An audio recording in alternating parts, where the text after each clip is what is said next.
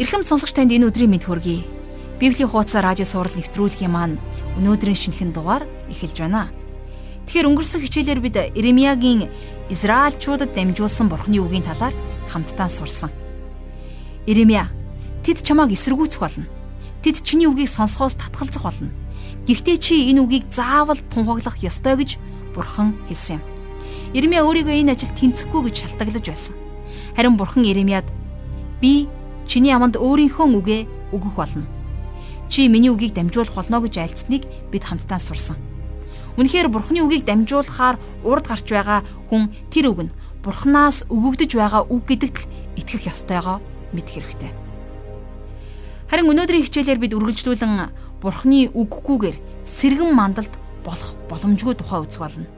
Бурхны үггүй сэргэн мандалд бол жинхэнэ сэргэн мандал биш. Харин шинчлэлт юм бид Бурхны үгээс эргэж худлахуурмаг шүтэн рүү эргэхээс болгоомжлох ёстой. Яагад гэвэл энэ нь шалтгааны улмаас Бурхан Израильчуудыг шүүлсэн тухай үзэх болно. Өнөөдөр бид хамтдаа Иремья 2 дугаар бүлгийг хамтдаа уншиж судлах болно. Ингээд Бурханд энэ цагийг өргөж хамтдаа залбирая. Бурхан аваа таньда өнөөдрийн төлөө талархал өргөн залбирч байна. Тимээ их эзэн минь таны үг бол бидний хүлдэгтэн лүү бидний замдах гэрэл билээ. Үнэхээр та энэ өдөр бидэнд амьдралыг манд гэрэлтүүлж өгөх тэрхүү гэрэл болсон үгээ бидэнд өгөөч. Бурхан минь, таны үг бидэнтэй хамт байвал бидний амьдралд сэргэн мандалд ойрхон байгаа гэдгийг өнөөдрийн үгээрээ дамжуулан бидэнд ухааруулж өгөөрэй. Таны үгнээс холдож өөрийнхөөрөө төөрөн одох үед та биднийг өөрийнхөө үгээр үргэлж дуудаж ятгах байдаг гэдгийг бидэнд ойлгуулж өгөөч. Өнөөдрийн энэ цагийг тань даатгаж эзэн Есүсийн нэрээр залбирanгуйж байна. Амен. Ингээд хамтдаа жаргалах шиг хичээлд анхаарлаа хандуулцгаая.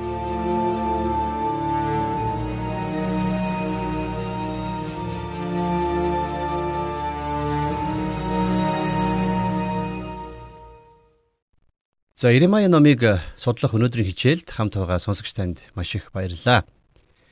Өнөөдөр бид номынхон 2 дугаар бүлгээс судлан эхлэх болно. За өнгөрсөн 1-р бүлэг дээрээс болвол э, бид нэр Бурхан Иремаяг яаж гайхамшигтайгаар дуудсан тухай үзсэн байгаа тийм ээ. Тэгэхээр Бурхан Иремаяг баг залуу байхад нь дуудсан. За судлаачид болвол Иремая 20 орчим настай байхад нь Бурхан дуудсан болоо гэж үздэг. За бурхан дуудах үед Йосия хаан 21 юм уу 22 настай байсан баг. Өөрөөр хэлэх юм бол тухайн үед Израилийн нутаг дээр амьдарч байсан залуухан хаан, залуухан иш үзүүлэгчийн тухай бид нар өнөөдөр ярьж байна гэсэн үг. Бурхны дуудлагын дагуу үйлчлэхэд өөрийгөө бэлэн биш байна гэж өөрийнх нь эрдэм чадал хүрэхгүй гэж Иремая эрс татгалцсан байдаг тийм ээ. Тэр өөрийгөө иш үзүүлэгч болж чадна гэж ердөөсөө итгэхгүйсэн. Энийгэж бурханд шударгаар хэлсэн. Харин хариуд нь бурхан Иремаягийн аманд үгээ өгөх болно гэж амласан байна. Ингээд Иремия бурхны дуудлагын дагуу үйлчлэхээс өөр аргагүй болсон. Иремия номын 2 дугаар бүлгээс 6 дугаар бүлэг хүртэлх үгсийг Иремиягийн үйлчлэлийн эхний 5 жилийн хугацаанд бурхан манерт өгсөн байдаг. Иремия Йоси хааны хаанчлалын 13 дахь жилээс эхлээд Бурхны үгийг дамжуулж эхэлсэн гэж хэрвээ бид нар үзэх юм бол Йосияг сүмээс Бурхны хуулийн номыг олохоос өмнө Иремия үйлчилж байсан гэсэн үг байна тийм ээ. Харин 7-оос 9 дугаар бүлэгдээр гарч байгаа үгс нь бол сүмийг цэвэрлэгтэй холбоотой үгс. Юу болсон гэхлээр Йоси хааны 18 дугаар онд сүмийг цэвэрлэж. За тэгээд тэндээс хуулийн номыг олсон юм. Ингээд Хуулийн номыг олж сэргэн мандалд эхэлсэн. Яг тэр цаг үед 10-аас 12 дугаар бүлэг дээр гарч байгаа тэр үгсийг Бурхан Иремьягаар дамжуулан өгсөн байдаг. А гэхдээ энэ сэргэн мандалд тийм гүн гүнзгий суйрттай сэргэн мандалд болж чадаагүй юм. Яагаад гэвэл тэд нэр Бурханы үгийг тэгтлээ их онцлоогүй байдаг. Тэгэхэр байна. Бурханы үгийг хэрвээ онцгойлон авч үзэхгүй бол ямар ч сэргэн мандалд болох боломжгүй гэдгийг бид нар хатуу ойлгох ёстой. Бид нар Израилийн түүхийн энэ үеийг сайтар ойлгохын тулд иш үзүүлгийн номнуудтай хамт түүхийн номнуудыг зэрэгцүүлэн судлах хэрэгтэй гэж би өмнөх хичээлүүдээр ярьж байсан. За тийм учраас өнөөдрийнхөө хичээлийг эхлэх ялдамд хамтдаа одоо хуучин гэрээний 2 дугаар шаштар номын 34 дугаар бүлгийг дэлгэцгээе. За би 34 дугаар бүлгийн 1-ээс 2 дугаар ишлэгийг уншиж өгье. Йосия хаан болохдоо 8 настай байсан бөгөөд Иерусалимд 31 жил хаанчлав. Тэрээр эзний мэлмий зүвийг үлдэн өөрийн өвөг эцэг Давидын замаар замансан бөгөөд зүүн баруун тийш хазаасангүй гэж энд бичсэн байна. За эндээс харах юм бол Йосия хаан бол Юда улсын мөхлийн өмнөхөн Юда улсыг хаанчилж байсан сүүлчийн хаан байлаа. За тэгэхээр 34 дугаар бүлгийн 3 дугаар эшлэлдэр Хаанчлалынхаа 8 дахь жилд залуухан байхдаа тэрээр өвөг эцэг Давидынхаа бурхныг эрэлхийлж эхлэв. 12 дахь жилд тэрээр Юда болон Иерусалимыг мөрөглөлийн өндөрлгүүд Ашрагийн модон шом болон сийлмэл цутгамал хөргүүдээс цэвэрлэж эхэлсэн юм а гэж бичсэн байна. Тэгэхээр байна.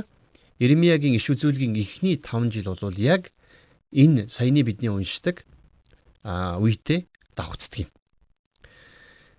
За цааш нь 2 дугаар шаштрын 34 дугаар бүлгийн 4-өөс 8 дугаар ишлэгийг харах юм бол ингэж бичсэн байгаа. Тэд түүний өмнө баалуудын тахилын ширээнүүдийг нурааж өндөрт байрлуулсан утлагын тахилын ширээнүүдийг тэр цавчин унгав. Бас Аширагийн модон шон сийлмэл болон цутгамал хөргүүдийг тэрээр хисэглэн бутлаад нунтаг болтол үүрүүлж тэдгэр тахил өргөж байсан хүмүүсийн булшнууд дээгүр тарав. Тэгээд тэрээр тахилч нарын ясыг тахилын ширээнүүд дээр нь шатааж Юда болон Иерусалимыг цэвэршүүлв. Манас, Ифраим, Симеоны хотуудад болон Нафталиг хүртэл эргэн тойрных нь балгаснуудад ч гэсэн тэр тахилын ширээнүүдийг нурааж Ашарагийн модон шом болон сийлмэл шүтээнүүдийг нунтаглан бутлаад Израиль газар нутаг даяар удлагын тахилын ширээнүүдийг цавчин хаяв. Тэгээд тэрээр Иерусалим руу буцлаа.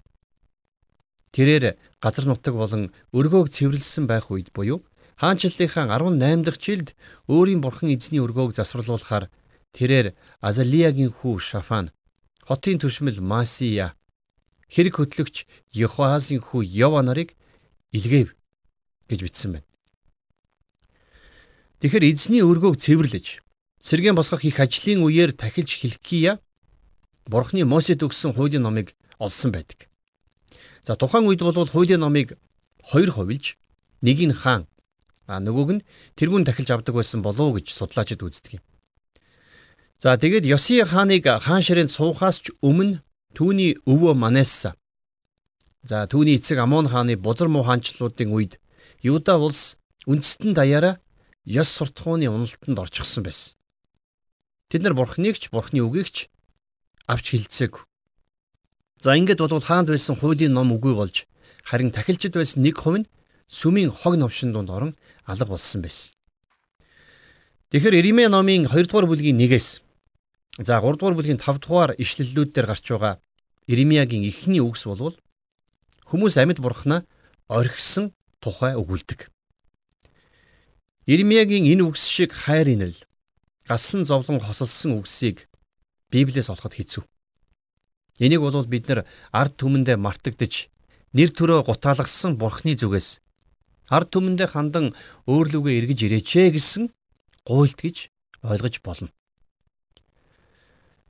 Бурхнаасаа төөрөн одсон ард түмэнд хандсан бурхны хайр инрэл нэгүүлсэн. Хэрвээ бурхан руу ирэхгүй болвол тэднийг хүлээж байгаа тэр бүх хүнд хэцүү өдрүүдийн талаарх анхааруулга сэрэмжлүүлэхтэй сүлэлтсэн байгааг бид яг энэ хэсгээс уншдаг. Энэ бол Библиэлд хамгийн гайхалтай хэсгүүдийн нэг. Залуухан хаан Йосиягийн хувьд Тэрээр бурхныг үнэн зөрсдөглөөсөө ирэлхийлж байсан.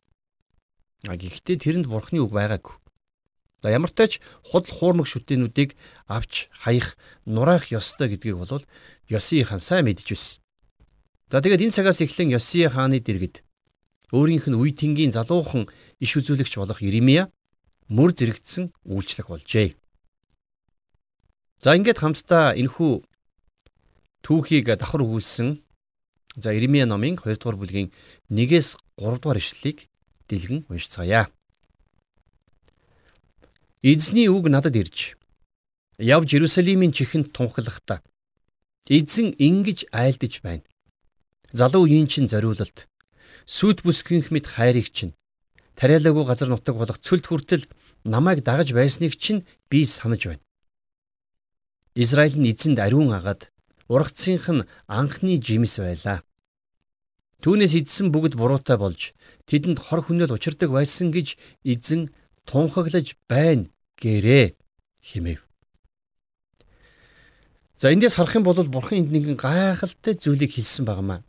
Бурхан Израилийг анхны хайраа санаачээ гэж дуудсан байна. Анх яасан гэхлээр тэднийг бурхан Египтийн нутгаас чөлөөлөн гаргаж шөнөөр галан багнаар за өдрөөр үүлэн багнаар хамгаалan халахалж явсан тэр дурсгалт цагийг эргэн санаачээ гэж дуудсан. Ийм аимшигтай элсэн цөлөөр туулан явхдаа тэд нэр эзнийгээ эрэлхийлж байсан. За тэгвэл яг л тэр цаг үеийг нь бурхан одоо сануулж байна. Бурхан тэднийг ивэж, өрөөж гайхамшигтай сайхан нутгийг тэднэрт өв болгон өгөх үед харин тэд нар яасан гэхлээр бурхнаасаа нүрэ буруулсан юм. За урд нь хойд Израилийн талаар иш үзүүлэгч Хосея хэлэхдээ Ифраим нь тариа цохих дуртай бярууг бэлтгэжээ. Гэвч би түүний сайхан хүзүүнд буулгыг тохно гэж иш үзүүлсэн байдаг. Бид нар өөрсдийн тох тухтай амьдрал дундаа бурхнаасаа эргэж худал хуурмаг шүтээнүүдэд анхаарлаа хандуулсан юм. Тэгэхээр би өнөөдөр өөрсдийнхөө нийгмийг за өөрсдийнхөө улс их орныг Юдатай харьцуулаад бодож үзэх хэрэгтэй гэж хэлмээр байна. Та бид нар ч гэсэн бас бурхны биш зүйлсийн хойноос хөөцөлдөж худал хуурмаг шүтээнд автсан. Өнөөдөр олон хүмүүсийн хувьд мөнгө тэдний бурхан болчиход байна. Мөнгөний төлөө юу хийхээс буцахгүй болчихсон хүмүүс дэндүү олон болоод байна. Үйлс номын 19 дугаар бүлгийн 28 дугаар эшлэлдэр та санаж байна уу? Нэгэн түүх байдаг тийм ээ. Эфесийн Артемис нагуу илээ гэж хашгиралдаж байсан. За тэгвэл өнөөдөр монголчууд мөнгө бол агуу илээ гэж хашгиралдаж байна шүү дээ. Тэгэхээр бурхан Иремигаар дамжуулан юудачуудад юу гэж хэлсэн бэ? намайг дагаж байсныг чинь би санаж байна гэж хэлсэн тийм ээ. Хэдийгээр юудэчүүд бурхныг мартсан байсан ч гэсэн бурхан тэднийг мартаагүй. Энэгээр бурхан бол үнэхээр өгөөмөр нэгүүлсэнгүй бурхан гэдгээ илчлэн байдаг. За дөрөвдүгээр ишлэгийг үргэлжлүүлэн харах юм бол сонсоцгоо Яаковын гэрээ Израилийн гэрийн бүх ургаас эзний үгийг сонсцгоо гэсэн байна. За хэдийгээр Израилийн 10 овг аймаг Ассирт олзлогдсон явсан боловч за тэдгээр 10 овг аймагаас гаралтай хүмүүс Юудад маш олноор амьдарч байсан. Тэгэхээр энэ дээр хэлсэн байна тийм ээ бурхан Яаковын гэр Израилийн бүх ураг гэж хэлсэн бооз. Хэдийгээр Израильчууд Ассирт эзлэгдэн цөлөгдсөн байсан ч гэсэн бурхан тэднэрт хандаж үгээ хэлсэн байгааг сая ишлэл илтгэж байна. Одоо бид нар хамтдаа 5 дугаар ишлэлийг үргэлжлүүлэн харъя. Эзэн ингэж айлдаж байна. Надаас ямар шудраг бус зүйл олсон болоод надаас та нарын эцэг өвгөд холдож хоосны араас явж өөрсдийгөө хоосон болгов гэсэн байна. Тэгэхээр бурхан тэднэрт юу гэж хэлсэн бэ гэхлээр би та нарт ямар буруу юм хийсэн болоод та нар наддыг орхисон юм бэ гэж хэлсэн байна тийм ээ. За тэгвэл өнөөдөр ч гэсэн бид нар энэхүү асуултыг өөрсдөөсөө асуух хэрэгтэй. Бурхан ер нь бидний амьдралд ямар муу зүйл хийсэн болоод бид нар Бурханыг тоохгүй байгаа юм бэ? Яагаад бид Бурханд үйлчлэхээс татгалзаад байгаа юм бэ? Бурхан зөвхт бусыг үйлчлсэн үү? Бурхан ямар нэгэн буруу юм хийсэн үү? Надаас ямар шудраг ус зүйл олсон болоод надаас та нарын эцэг үгэд холдож хоосны араас явж өөрсдийгөө хоосон болгов гэж Бурхан асуусан байна. За үргэлжлүүлээ 6 дугаар ишлэлдэр.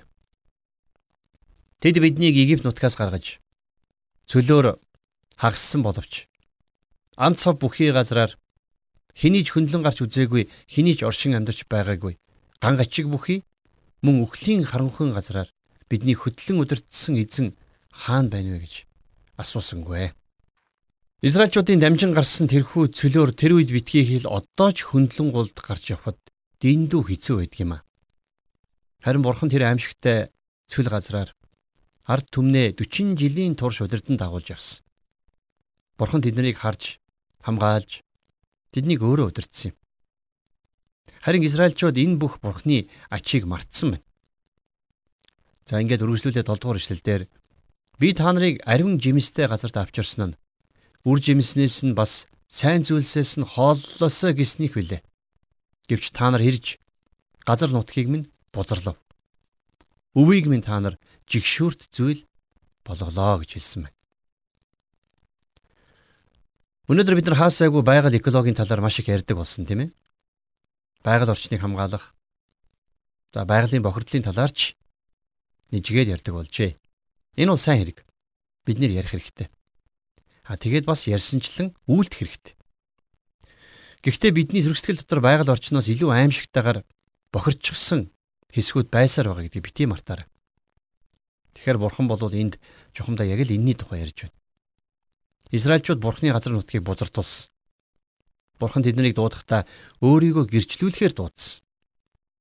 Гэтэл тэд нар тэр нутагт өмнө нь байсан ард түмнүүдээс дээрдэх зүйл ердөөсөө байгаагүй.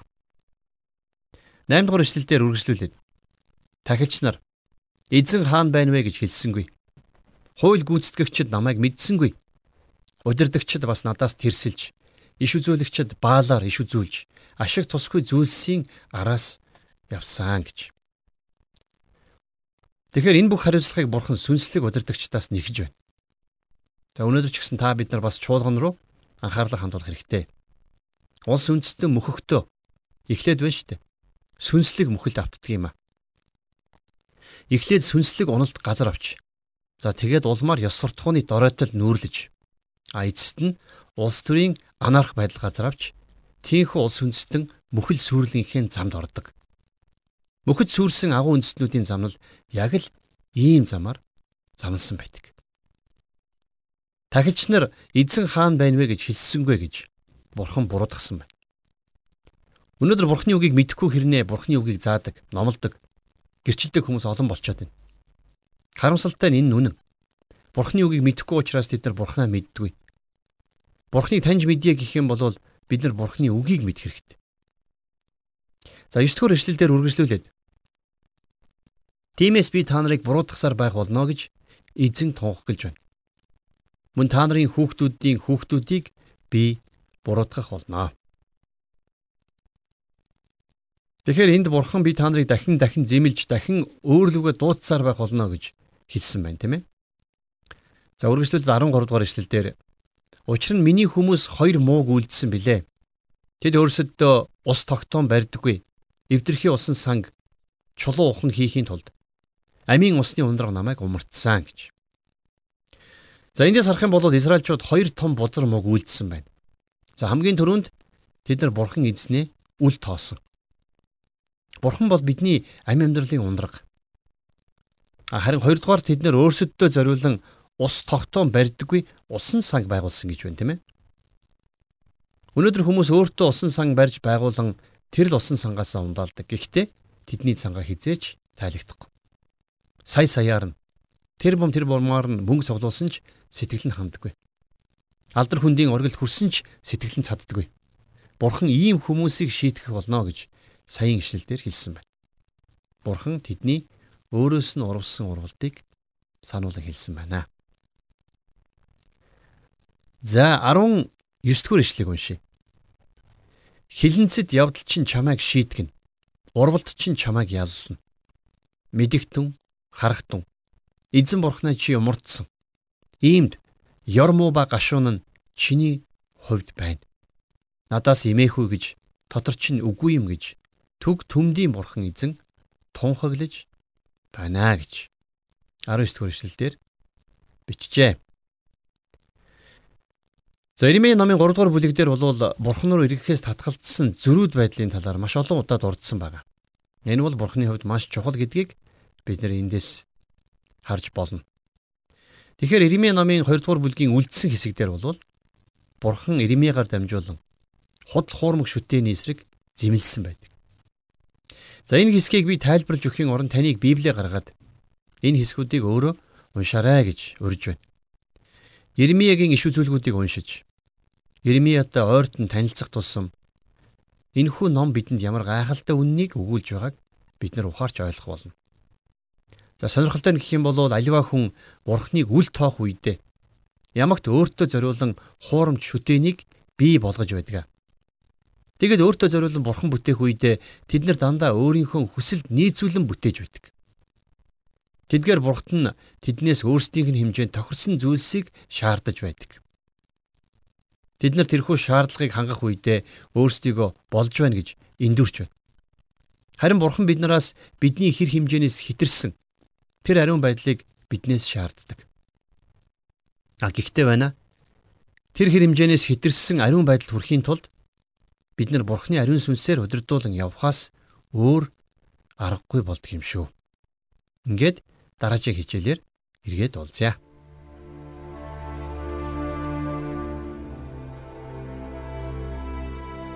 Тэгэхээр хүн хэлхээс нааш цаас жичгээс нааш гэсэн үг байдаг. Үнэхээр л хүн өөрийнхөө бурууг заавал хилүүлж байж ухаардаг. Израильчуудад Иремья бурхны үгийг хилээд хилээд ухаарахгүй л байна. Та итгэдэгч вэ, итгэдэггүй ч вэ хамаагүй. Таны үлдээсэн амьдралд бурхан ямар нэгэн байдлаар оролцож танд тусалсан байгаа шүү. Израильчуудад бол бурхан өөрийнхөө нэгүсэл хайраа 40 жилийн туршид олон удаа харуулсан. Харин сайн сайхан газар ирсэн хойноо тэд бурхныг мартцгаасан. Тэгэхээр өнөөдрийн хичээлээр хамгийн гол нь бурхны буруу үйлдэлийг чинь хоригдсан хатуу үггүй бол чи сүрлийн зам руу явах болно гэдгийг хэлж өглөө. Магадгүй та бурханд яг Израильчуудын адилаар зан гаргаж байгаа юм үү? Зовлонтой үедээ бурхныг дуудчихад харин баяр жаргалтай амар тайван байх үедээ бурхныг мартсан тийм амьдралаар амьдарч байх вэ? Бурхан бол шудраг. Тэр таны бүх үйлдэл, бодол санаа бүгднийг мэдж байгаа. А гэхдээ тэр таныг буруу замаасаа эргэхийг маш их хүсэж байгаа. Бурхан би бол шудраг гэд хийсэн буруу үйлийнхэн шийтгэлийг арт түмэндээ буулгахгүй. Харин бурхан би бол хайр болоод нэгүслэр дүрэн эзэн гэдгээ харуулж олон удаагийн буруу үйлдэлийг нь уучлан өршөөд юм а.